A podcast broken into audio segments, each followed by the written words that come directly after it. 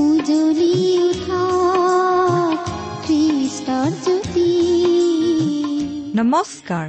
আমাৰ মৰমীয়াল প্ৰভু যীশুৰ মহান নামেৰে আপোনাক এয়া ভক্তিবচন অনুষ্ঠানলৈ আদৰিছো। খ্ৰীষ্টৰ জ্যোতি। আকাশ বতাহ মুখৰিত কৰি গাঁও সবে মিলি গীতি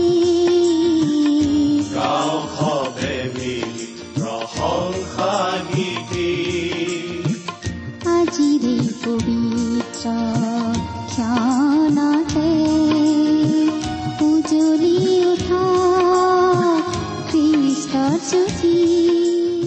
ঈশ্বৰে আপোনাক যি অসীম প্ৰেম কৰিলে তাক যদি অনুভৱ কৰিব বিচাৰে আৰু তেওঁৰ অগম্য বাক্যৰ মৌ মিঠা সোৱাদ ল'ব বিচাৰে তেন্তে আহক আজিৰ ভক্তিবচন অনুষ্ঠানটো মনোযোগেৰে শুনো। এয়া আপোনালৈ আগবঢ়াইছো ঈশ্বৰৰ জীৱন্ত বাক্যৰ অনুষ্ঠান ভক্তিবচন।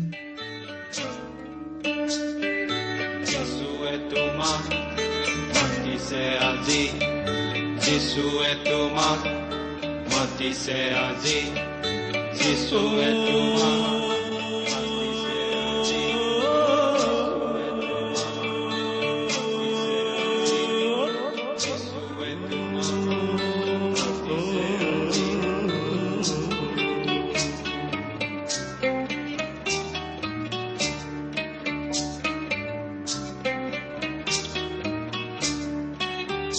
বন্ধু তোমাৰ হৃদয়ৰ দুৱাৰ কোনে আজি টুকুৰীয়া শুনা এবাৰ নীৰৱে কাণ পাতি কোনে টুকুৰীয়া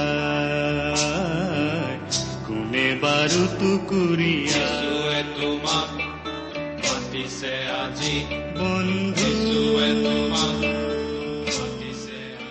আমাৰ মহান ত্ৰাণকৰ্তা প্ৰভু যীশুখ্ৰীষ্টৰ নামত নমস্কাৰ প্ৰিয় শ্ৰোতা।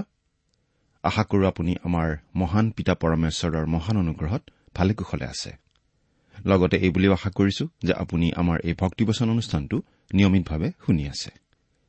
আমাৰ বহুতো শ্ৰোতাই আমালৈ চিঠি পত্ৰ লিখি থাকে আৰু এই অনুষ্ঠান শুনি তেওঁলোকে উপকৃত হোৱা বুলিও আমাক জনায়।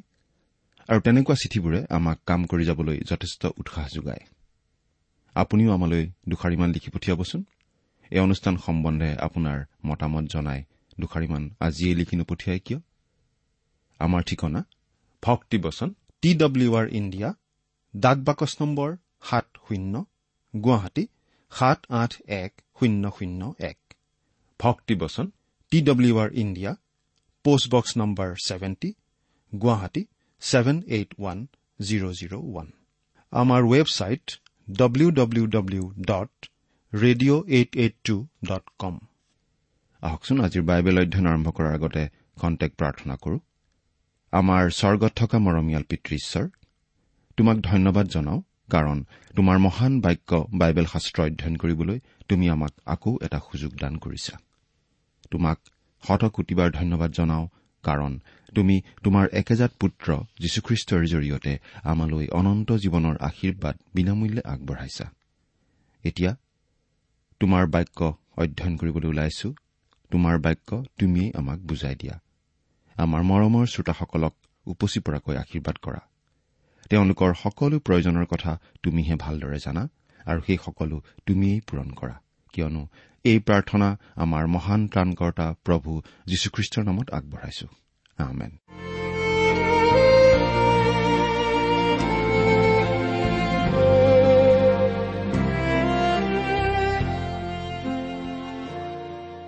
প্ৰিয় শ্ৰোতা আপুনি বাৰু আমাৰ এই ভক্তিপচন অনুষ্ঠানটো নিয়মিতভাৱে শুনি আছেনে?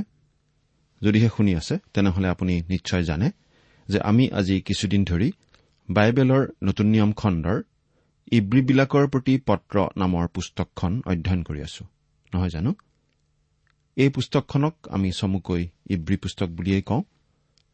আপুনি আমাৰ যোৱা অনুষ্ঠানটো যদি শুনিছিল তেতিয়াহ'লে আপোনাৰ নিশ্চয় মনত আছে যে যোৱা অনুষ্ঠানত আমি এই ইব্ৰী পুস্তকখনৰ চাৰি নম্বৰ অধ্যায়ৰ শেষৰটো পদলৈকে পঢ়ি আমাৰ আলোচনা আগবঢ়াইছিলো। গতিকে আজিৰ অনুষ্ঠানত আমি ইব্ৰী পুস্তকৰ পাঁচ নম্বৰ অধ্যায়ৰ এক নম্বৰ পদৰ পৰা আমাৰ আলোচনা আৰম্ভ কৰিব খুজিছো। এই ইব্ৰী পুস্তকখন হৈছে এখন চিঠি। ইব্ৰী অৰ্থাৎ জিহুদী খ্ৰীষ্টীয় বিশ্বাসীসকললৈ লিখা এখন চিঠি।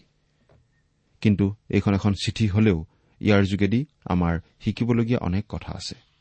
প্ৰিয় শ্ৰোতা আমি এতিয়া ইব্ৰী পুস্তকখনত এটা বিশেষ কথা আলোচনা কৰি আছো আৰু সেইটো হৈছে প্ৰভু যীশুখ্ৰীষ্ট লেবিয়া পুৰোহিতসকলতকৈ শ্ৰেষ্ঠ আৰু তেওঁ আমাৰ মহাপুৰোহিত। পাঁচ নম্বৰ অধ্যায়ত আমি বিশেষভাৱে পাওঁ পুৰোহিতেনো কেনেকুৱা ধৰণৰ কাম কৰে তেওঁনো কি তাৰ এটা বিৱৰণ বা পুৰোহিতৰ এটা সংজ্ঞা। এই অধ্যায়টোতো আমি খ্ৰীষ্ট যে আমাৰ মহাপুৰোহিত সেই বিষয়টো বিশেষভাৱে পাওঁ। তেওঁ যে লেবিয়া বিধানৰ পুৰোহিতসকলতকৈ শ্ৰেষ্ঠ সেইটো দেখুওৱা হৈছে। ইব্ৰী লোকসকলৰ কাৰণে এই পুৰোহিতৰ বিষয়টো অতি পৰিচিত বিষয় আছিল। এই পাঁচ নম্বৰ অধ্যায়টোৰ প্ৰথম দহটা পদত আমি পাওঁ পুৰোহিতৰ এটা সূত্ৰ। পুৰোহিতনো কোন আৰু তেওঁনো কি কৰে সেই কথা। আমি ইতিমধ্যেই কৈ আহিছো যে প্ৰভু যীশুখ্ৰীষ্টৰ পৰিচৰ্যা আচলতে তিনি ধৰণৰ। ভাৱবাদী পুৰোহিত আৰু ৰজা। তেওঁ হৈছে মানুহৰ প্ৰতি ঈশ্বৰে কোৱা শেষ বা চূড়ান্ত বাক্য। ঈশ্বৰে যি যি কবলগীয়া আছিল সকলোখিনি ইতিমধ্যে খ্ৰীষ্টতেই কলে। এজন ভাৱবাদী হিচাপে তেওঁ কথা কৈ গ'ল প্ৰায় দুহেজাৰ বছৰ আগতে। আৰু আজি তেওঁ হৈছে ঈশ্বৰৰ বাক্য। তেওঁ আজিৰ প্ৰজন্মৰ বাবে হৈছে মহাপুৰোহিত। আৰু ভৱিষ্যতৰ কোনোবা এটা দিনত তেওঁ আহিব ৰজা হিচাপে। এই মুহূৰ্তত তেওঁ হৈছে আমাৰ মহাপুৰোহিত। তেওঁলৈ যাবলৈ আমাৰ একো বাধা নাই। আমাৰ প্ৰৱেশাধিকাৰ আছে। তেওঁ মহান মহাপুৰোহিত। হাৰুণ যেনেকৈ মহাপুৰোহিত আছিল তাতোকৈ মহান মহাপুৰোহিত প্ৰভু যীশুখ্ৰীষ্ট। আজি প্ৰতিজন খ্ৰীষ্টীয় বিশ্বাসীয়েই একো একোজন পুৰোহিত। যেনেকৈ লেবীৰ ফৈদৰ প্ৰতিজন লোক বংশগতভাৱে একোজন পুৰোহিত আছিল। আমি পুৰোহিত হিচাপে ঈশ্বৰলৈ বলি উৎসৰ্গ কৰিব পাৰো। আমি আগবঢ়াব পৰা এটা বলি হৈছে স্তুতি প্ৰশংসা।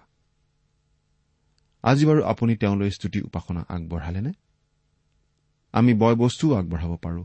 আমাৰ হাতৰ ফল আমাৰ মনৰ ফল নতুবা আমাৰ সময়।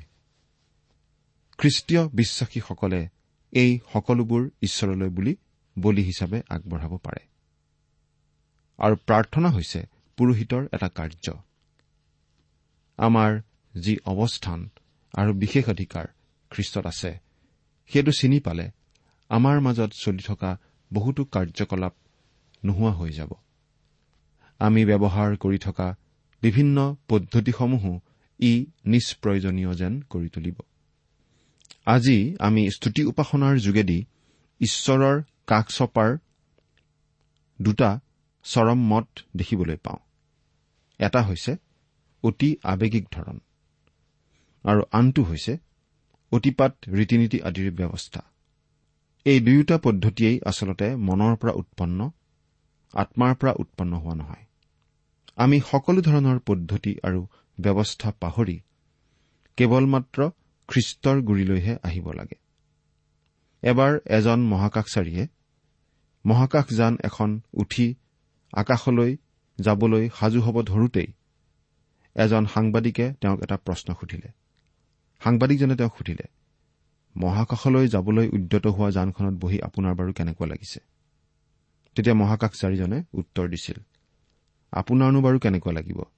যেতিয়া আপুনি পঞ্চাছ হাজাৰটা অংশৰে গঠিত কিবা এটাৰ ওপৰত বহি আছে আৰু প্ৰতিটো অংশ কিছুমান কম দামী ঠিকাদাৰে যোগান ধৰিছে আজিকালি বহুতো লোকে এনেদৰেই স্তুতি উপাসনা কৰে। তেওঁলোক আৱেগিক নহলে তেওঁলোকে ৰীতি নীতিত ভৰসা কৰে। তেওঁলোকে ঈশ্বৰৰ বাক্যত ভৰসা নকৰি আৱেগৰ ওপৰতহে অনুভূতিৰ ওপৰতহে বা কিছুমান ৰীতি নীতিৰ ওপৰতহে নিৰ্ভৰ কৰে। চাৰি নম্বৰ অধ্যায়ৰ শেষৰটো পদে আমাক আহান জনায় অনুগ্ৰহৰ সিংহাসনলৈ খোলা মনেৰে আগবাঢ়ি আহিবলৈ। আমাক দয়াৰ প্ৰয়োজন সহায়ৰো প্ৰয়োজন। প্ৰভু যীশুৱে আমাক এই সকলো দিব পাৰে কাৰণ তেওঁ আমাৰ মহান মহাপুৰোহিত। এতিয়া আমি পুৰোহিতৰ সংজ্ঞা এটা পাম। পাঠ কৰি দিম পাঁচ নম্বৰ অধ্যায়ৰ এক নম্বৰ পদ। ইব্ৰী পাঁচ নম্বৰ অধ্যায়ৰ এক নম্বৰ পদ। কিয়নো প্ৰতিজন মহাপুৰোহিত মানুহবিলাকৰ মাজৰ পৰা লোৱা হৈ পাপৰ নিমিত্তে উপহাৰ আৰু বলিদান উৎসৰ্গ কৰিবলৈ মানুহৰ অৰ্থে ঈশ্বৰ উদ্দেশ্য কাৰ্যত নিযুক্ত। এই পদটোৱে আমাক পুৰোহিতৰ সংজ্ঞা এটা দিয়ে। পুৰোহিতজন মানুহৰ মাজৰ পৰা লোৱা হ'ব লাগিব। অৰ্থাৎ তেওঁ হ'ব লাগিব মানুহ। তেওঁ হ'ব লাগিব এজন প্ৰতিনিধি। তেওঁ মানুহক প্ৰতিনিধিত্ব কৰে। কিন্তু মানুহক ঈশ্বৰৰ আগত প্ৰতিনিধিত্ব কৰে। তেওঁ ঈশ্বৰ বিষয়ক কাম কাজৰ বাবে মানুহৰ অৰ্থে বিশেষভাৱে নিযুক্ত। যিহেতু তেওঁ ঈশ্বৰৰ আগলৈ যায় গতিকে তেওঁ ঈশ্বৰৰ বাবে গ্ৰহণযোগ্য হ'ব লাগিব। আচলতে এই অৰ্থটোৱেই ইয়াত প্ৰকাশ কৰা হৈছে। মানুহৰ অৰ্থে ঈশ্বৰ উদ্দেশ্য কাৰ্যত নিযুক্ত। চাৰি নম্বৰ পদত আমাক অতি স্পষ্টকৈ কোৱা হৈছে যে কোনো মানুহে নিজে সেই সন্মান ল'ব নোৱাৰে। কিন্তু ঈশ্বৰে যাক সেই কামৰ বাবে নিযুক্ত কৰে তেওঁহে সেই সন্মান পায়। আৰু হাৰুণেও তেনেকৈহে পাইছিল। গতিকে তেওঁ ঈশ্বৰৰ দ্বাৰা নিযুক্ত হ'ব লাগিব। গতিকে এজন পুৰোহিত মানুহৰ পৰা লোৱা হ'ব লাগিব। দ্বিতীয়তে মানুহৰ বাবে অৰ্থাৎ মানুহৰ হৈ প্ৰতিনিধিত্ব কৰিবলৈ নিযুক্ত হ'ব লাগিব। আৰু তৃতীয়তে মানুহৰ হকে ঈশ্বৰৰ আগলৈ তেওঁ যাব লাগিব। এতিয়া আমি পুৰোহিত আৰু ভাৱবাদীৰ মাজত পাৰ্থক্য কি সেইটো বিচাৰ কৰি চাব পাৰো। এজন পুৰোহিত মানুহৰ পৰা ঈশ্বৰলৈ যায়। তেওঁ ঈশ্বৰৰ আগত মানুহক প্ৰতিনিধিত্ব কৰে। আনহাতে এজন ভাৱবাদী ঈশ্বৰৰ পৰা মানুহলৈ যায়। ঈশ্বৰৰ এটা বাৰ্তা লৈ। গতিকে পুৰণি নিয়মৰ দিনত পুৰোহিতে মানুহক কোৱা নাছিল ঈশ্বৰৰ বক্তব্যনো কি? সেইটো ভাৱবাদীৰহে কাম আছিল। পুৰোহিতৰ পৰিচৰ্যাটো আছিল ঈশ্বৰৰ আগত মানুহক প্ৰতিনিধিত্ব কৰা কিন্তু বৰ্তমান যুগত প্ৰভু যীশুখ্ৰীষ্টহে একমাত্ৰ পুৰোহিত। তেওঁহে ঈশ্বৰৰ আগত আমাক প্ৰকৃত অৰ্থত প্ৰতিনিধিত্ব কৰে। এই পৌৰহিত্য পাপত হেৰাই থকা লোকৰ বাবে নহয় খ্ৰীষ্টত বিশ্বাস কৰি পৰিত্ৰাণ লাভ কৰা লোকসকলৰ বাবেহে। প্ৰিয় শ্ৰোতা আপোনাৰ হয়তো মনত থাকিব পাৰে যে পাচনি জোহনে এই বুলি লিখিছিল। প্ৰথম জোহন দুই নম্বৰ অধ্যায়ৰ এক নম্বৰ পদত হে মোৰ বোপাহঁত তোমালোকে যেন পাপ নকৰা এই আশয়েৰে মই তোমালোকলৈ এইবোৰ কথা লিখিছো। আৰু কোনোৱে যদিও পাপ কৰে তথাপি পিতৃৰ আগত আমাৰ সহায়কৰ্তা ধাৰ্মিক যীশুখ্ৰীষ্ট আছে। পাচনি জোহনে এই কথা কৈ আছে খ্ৰীষ্টীয় বিশ্বাসীসকলকহে। কিন্তু খ্ৰীষ্টীয় বিশ্বাসী হোৱাৰ পাছতো মানুহে পাপ কৰিব পাৰে আৰু সকলোৱে কিবা নহয় কিবা পাপ কৰেই। কিন্তু আমি ঈশ্বৰক ধন্যবাদ দিব পাৰো যে স্বৰ্গত আমাৰ বাবে এজন সহায়কৰ্তা পুৰোহিত আছে যিজনে আমাৰ সেই পাপ ঢাকি পেলায় আৰু তেওঁ হৈছে যীশুখ্ৰীষ্ট। খ্ৰীষ্টই স্বৰ্গত মোক প্ৰতিনিধিত্ব কৰে। যেতিয়া মোৰ শত্ৰু ছয়তানে ঈশ্বৰৰ আগত মোৰ বিৰুদ্ধে অভিযোগ আনে তেতিয়া খ্ৰীষ্টই মোৰ হৈ ওকালতি কৰে। তেওঁ মোৰ মহাপুৰোহিত। সেইকাৰণে মই পৃথিৱীত থকা কোনো পুৰোহিতক লৈ সন্তুষ্ট হ'ব নোৱাৰো। এইটো আমি অতি স্পষ্ট কৰি দিব খুজিছো আমি কাকো সমালোচনা কৰিব খোজা নাই। যদি কোনোবাই ঈশ্বৰৰ আগত মোক প্ৰতিনিধিত্ব কৰিবলৈ যায় মই জানিব বিচাৰিম তেওঁ ঈশ্বৰৰ আগত গ্ৰহণযোগ্য হয় নে নহয়। তেওঁ বাৰু ঈশ্বৰৰ পৰা কিবা চাৰ্টিফিকেট পাইছেনে? মোৰ হৈ ঈশ্বৰৰ আগত ওকালতি কৰিবলৈ তেওঁ কিবা আইনৰ পৰীক্ষা পাছ কৰিছেনে? প্ৰিয় শ্ৰোতা নাই। তেনে মানুহ কোনো নাই যিজনে আমাক ঈশ্বৰৰ আগত প্ৰতিনিধিত্ব কৰিব পাৰে। আমি পৰস্পৰৰ বাবে প্ৰাৰ্থনা কৰিব পাৰো। কিন্তু আমি কোনেও ঈশ্বৰৰ আগত আনৰ হৈ পৌৰহিত্য কৰিব নোৱাৰো। সেই কাম প্ৰভু যীশুখ্ৰীষ্টইহে কৰিব পাৰে। কিন্তু যিহেতু ঈশ্বৰৰ আগত মূৰ হৈ ওকালতি কৰিবলৈ এজন উকিল বা অধিবক্তাৰ প্ৰয়োজন সেই ব্যৱস্থা ঈশ্বৰেই কৰি দিলে। আৰু আজি সেই ব্যৱস্থা অনুসাৰে স্বৰ্গত মোৰ বাবে কথা কওঁতা এজনা আছে। তেওঁ মোৰ মহাপুৰোহিত। তেওঁ ঈশ্বৰৰ আগত মোক প্ৰতিনিধিত্ব কৰে। তেওঁ খ্ৰীষ্ট যীশু পাপৰ নিমিত্তে উপহাৰ আৰু বলিদান উৎসৰ্গ কৰিবলৈ। এই কথাটো মন কৰক যে পুৰোহিতজনে উপহাৰ আৰু বলি দুয়োটা আগবঢ়াব পাৰে। এই পত্ৰখনত এইটো অতি স্পষ্ট কৰি দিয়া হৈছে যে আমাৰ মহাপুৰোহিত যীশুখ্ৰীষ্টই আগবঢ়াবলৈ কিবা এটা আছে। তেওঁ নিজকে বলি হিচাপে আগবঢ়ালে। আমাক মুক্তিদান কৰা খ্ৰীষ্টৰ বহুমূলীয়া তেজৰ তুলনাত সোণ ৰূপ আদি লেতেৰা মাটিৰ টুকুৰাৰ নিচিনা মাত্ৰ।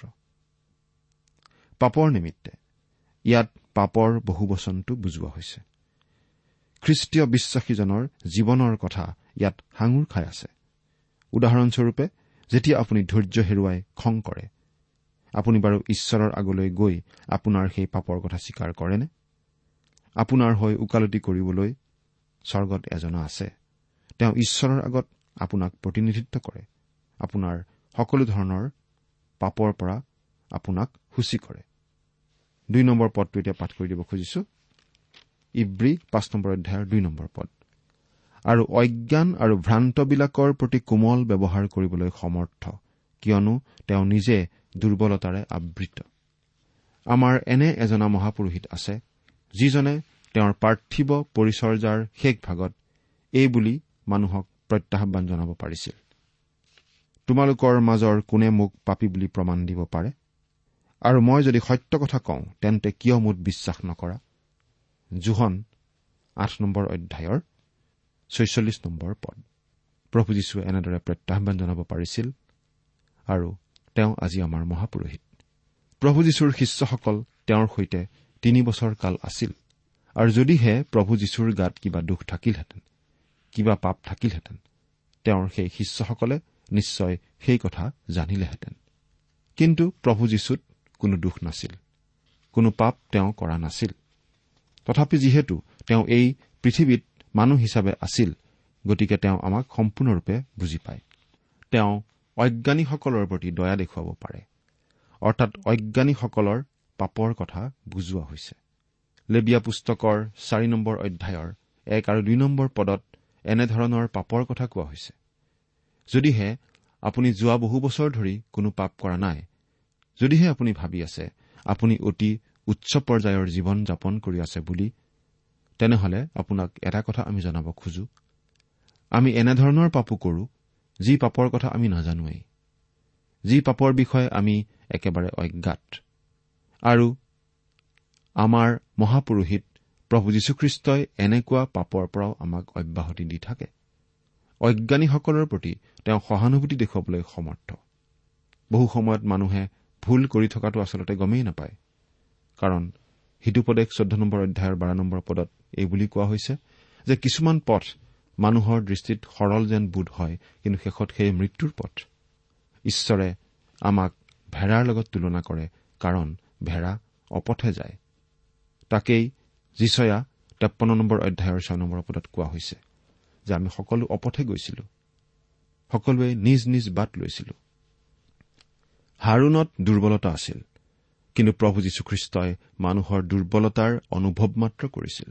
অৰ্থাৎ তেওঁত দুৰ্বলতা নাছিল কিন্তু তেওঁ আমাৰ দুৰ্বলতা জানে। গতিকে তেওঁ আমাৰ বাবে সৰ্বোত্তম মধ্যস্থতাকাৰী। যেতিয়া আমি পঢ়ো তেওঁ আমাৰ লগত বোকাত নপৰে কিন্তু তেওঁ আমাক সেই বোকাৰ পৰা তুলি উঠাবলৈ সাজু থাকে। হাৰুণৰ ক্ষেত্ৰত সমস্যাটো আছিল এইয়ে যে তেওঁ নিজে কৰা পাপ আনে কৰিলে একো ক'ব নোৱাৰিলেহেঁতেন আৰু নিজে নকৰা পাপ আনে কৰিলে দোষী কৰিব পাৰিলেহেঁতেন। সেইটো সদায় বিপদজনক কথা হলহেঁতেন। কিন্তু খ্ৰীষ্টই আমাক দয়া দেখুৱায়।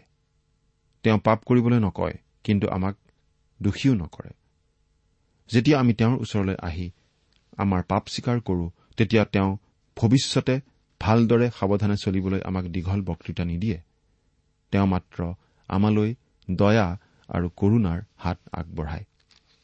প্ৰথম জোহন এক নম্বৰ অধ্যায়ৰ ন নম্বৰ পদত আমি এই বুলি পঢ়িবলৈ পাওঁ কিন্তু আমি নিজ নিজ পাপবোৰ স্বীকাৰ কৰিলে বিশ্বাসী আৰু ধাৰ্মিক যি তেওঁ তেওঁ আমাৰ পাপবোৰ ক্ষমা কৰে আৰু সকলো অধৰ্মৰ পৰা আমাক সূচী কৰে। এনে এজন মহাপুৰোহিত থকাটো কেনে আনন্দৰ কথা? মুঠতে হাৰুণতকৈ প্ৰভু যীশুৰ পৌৰোহিত্য শ্ৰেষ্ঠ। হাৰুণ কেৱল মাত্ৰ এটা উদাহৰণহে। পদ। আৰু তাৰ কাৰণেই মানুহবিলাকৰ কাৰণে যেনেকৈ নিজৰ নিমিত্তেও তেনেকৈ পাপৰ অৰ্থে উৎসৰ্গ কৰা তেওঁৰ আৱশ্যক।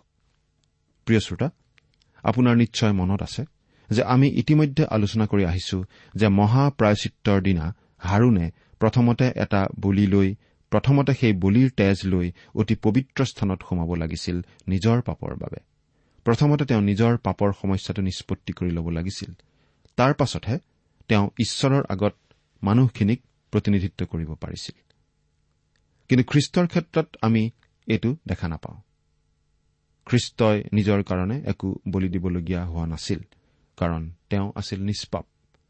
তেওঁ আপোনাৰ মোৰ বাবেহে বলি আগবঢ়ালে। চাৰি নম্বৰ পদ। আৰু কোনেও নিজৰ কাৰণে সেই সমাদৰ নিজে নলয়। কিন্তু ঈশ্বৰৰ দ্বাৰাই আমন্ত্ৰিত হলেহে তাক পায়। হাৰুণেও তেনেকৈয়েহে পাইছিল।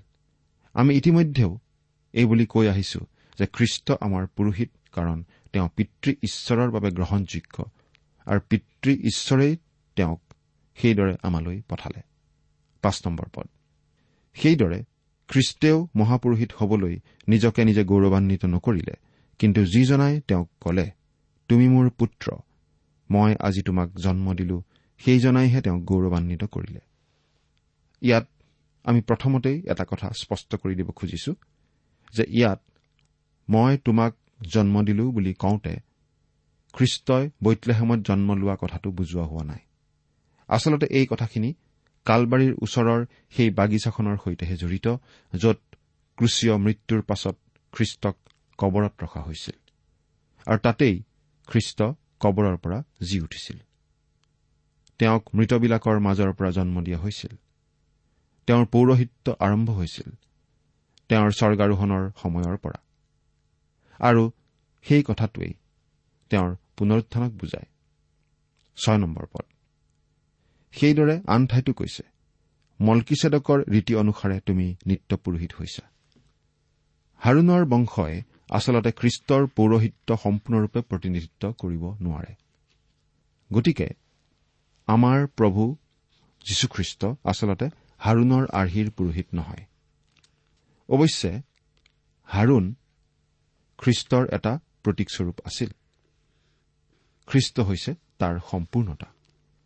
খ্ৰীষ্ট হৈছে ঈশপুত্ৰ কিন্তু হাৰুণ আছিল এজন পৰিচাৰক মাত্ৰ। মলকিছেদকৰ ৰীতি অনুসাৰে তুমি নিত্য পুৰোহিত হৈছা। এই মলকিছেদকনো কোন বাৰু। তেওঁৰ বিষয়ে আমি কেৱল আদিপুস্তক চৈধ্য নম্বৰ অধ্যায়তহে পাওঁ আৰু তাত তেওঁক সৰ্বোপৰিজনাৰ পুৰোহিত বুলি কোৱা হৈছে। অব্ৰাহামে যেতিয়া যুদ্ধ জয় কৰি চডুম ঘমুৰাৰ মানুহবোৰ আৰু নিজৰ ভতিজা লোটক শত্ৰুৰ হাতৰ পৰা উদ্ধাৰ কৰি লৈ আহিছিল তেতিয়া এই মলকিছেদকে তেওঁক অভিনন্দন জনাবলৈ গৈছিল। তেওঁ লগতে পৰ্যাপ্ত পৰিমাণে লুটদ্ৰব্যও লৈ আহিছিল। চডুমৰ ৰজাই অব্ৰাহামক লগ ধৰি সকলো লুটদ্ৰব্য তেওঁকেই যাচিছিল। অব্ৰাহামে সেই প্ৰলোভন জয় কৰিছিল আৰু সেই প্ৰস্তাৱ অগ্ৰাহ্য কৰিছিল। আদিপুস্তক চৈধ্য নম্বৰ অধ্যায়ৰ ওঠৰ নম্বৰ পদত আমি এই বুলি পঢ়িবলৈ পাওঁ আৰু চালেমৰ ৰজা মলকিছেদকে পিঠা আৰু দ্ৰাক্ষাৰস আনিলে। তেওঁ সৰ্বোপৰি ঈশ্বৰৰ পুৰোহিত। বিৱৰণীটো আমি যদি পঢ়ি যাওঁ আমি আদি পুস্তক চৈধ্য নম্বৰ অধ্যায় ঊনৈছ আৰু বিশ নম্বৰ পদো পঢ়ি দিছো। তাত আমি এনেদৰে পাওঁ তেওঁ অব্ৰামক আশীৰ্বাদ কৰি কলে স্বৰ্গ আৰু পৃথিৱীৰ অধিকাৰী সৰ্বোপৰি ঈশ্বৰৰ পৰা অব্ৰাম আশীৰ্বাদপ্ৰাপ্ত হওক আৰু তোমাৰ শত্ৰুবোৰক তোমাৰ হাতত সমৰ্পণ কৰা সৰ্বোপৰি ঈশ্বৰো ধন্য হওক। তেতিয়া অব্ৰামে সকলো বস্তুৰ দহ ভাগৰ এভাগ তেওঁক দিলে। মলকিছেদক আছিল চালেমৰ ৰজা আৰু চালেম মানে শান্তি। তেওঁ ধাৰ্মিকতাৰো ৰজা আছিল। তেওঁ হঠাতে আহি শাস্ত্ৰৰ পাতত ভুমুকি মাৰিছিলহি আৰু তেনেদৰেই দৃশ্যপটৰ পৰা আঁতৰি গৈছে। গীতমালা এশ দহ নম্বৰ গীতত আমি মলকিছেদকৰ ভাৱবাণী পাওঁ। অৰ্থাৎ কোনোবা এজন যে আহিব যিজন মলকিছেদকৰ ৰীতি অনুসাৰে পুৰোহিত হ'ব সেই কথা পাওঁ। আৰু এতিয়া ইব্ৰী পুস্তকত আমি তাৰ ব্যাখ্যাটো পাইছো। কিছুমান ব্যাখ্যাকাৰকে ক'ব খোজে যে মলকিছেদক আছিল খ্ৰীষ্ট মানৱৰূপে পৃথিৱীলৈ অহাৰ আগতেই তেওঁ দেখা দিয়া এটা ৰূপ। সেই ব্যাখ্যাটো আমি গ্ৰহণ কৰিব নোৱাৰো কাৰণ মলকিছেদক খ্ৰীষ্টৰ এটা প্ৰতীকহে আছিল। গতিকে আমি মলকিছেদক মানুহ আছিল আৰু সঁচাকৈয়ে চালেমৰ ৰজা আছিল বুলিয়েই গ্ৰহণ কৰো। প্ৰভু যীশু মলকিছেদকৰ ৰীতি অনুসাৰে মহাপুৰোহিত। খ্ৰীষ্টই অনন্তকলীয়া ঈশ্বৰ তেওঁ অনাদি অনন্ত। তেওঁ মলকিছেদকৰ ৰীতি অনুসাৰে আমাৰ মহাপুৰোহিত। ইয়াৰ মানেনো কি সেই কথাটো আমি সাত নম্বৰ অধ্যায়ত পঢ়িবলৈ পাওঁ। প্ৰিয় শ্ৰোতা আজিলৈ সামৰিছো। কিন্তু সেই মহাপুৰোহিত প্ৰভু যীশুখ্ৰীষ্টই আপোনাৰ বাবেও যে এতিয়া স্বৰ্গত নিবেদন কৰি আছে সেই কথাটো আপুনি বাৰু মনত ৰাখিছেনে? চিন্তা কৰি চাওকচোন। ঈশ্বৰে আপোনাক আশীৰ্বাদ কৰক।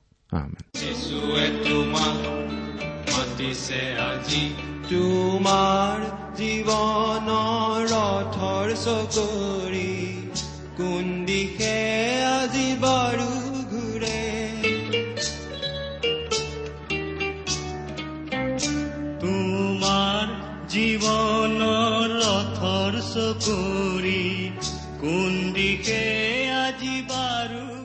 ইমান পৰে আপুনি ভক্তিবচন অনুষ্ঠানটি শুনিলে।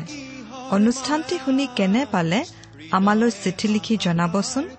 অনুষ্ঠানত প্ৰচাৰ কৰা কোনো কথা বুজিব লগা থাকিলেও আমালৈ লিখক।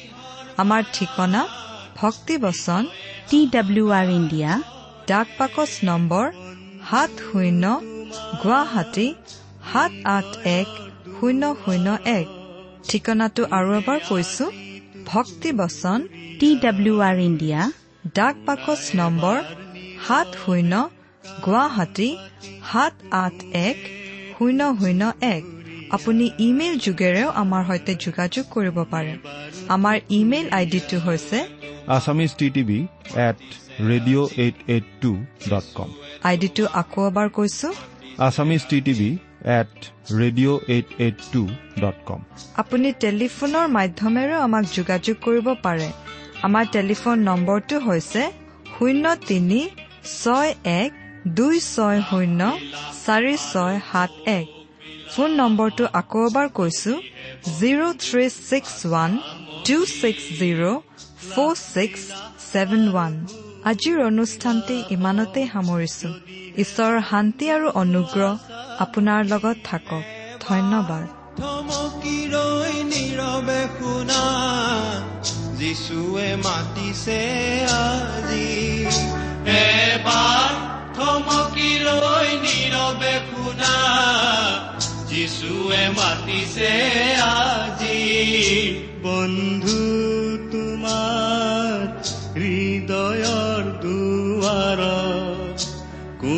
আজি টুকুৰিয়াই শুনা এবাৰ নীৰৱে কাণ পাতি কোনে টুকুৰিয়াই কোনে বাৰু টুকুৰিয়াই তোমাক মাতিছে আজি। বন্ধুৱে তোমাক মাতিছে আজি। যিচুৱে তোমাক মাতিছে আজি। তোমাৰ জীৱনৰ ৰথৰ চকৰি কোন দিশে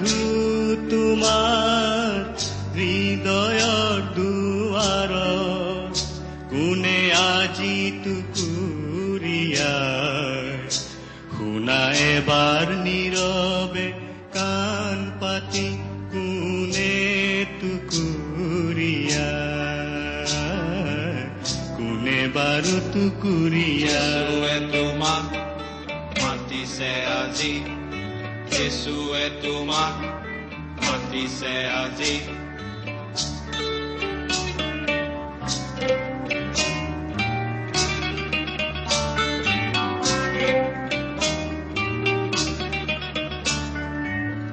লাখ বিলাস আৰু ভোগ বিলাসত যদিহে বন্ধু আচামজি লাহ বিলাস আৰু ভোগ বিলাসত যদিহে বন্ধু আচামজি এবাৰ থমকি ৰৈ নীৰৱে শুনা যিচুৱে মাতিছে আজি।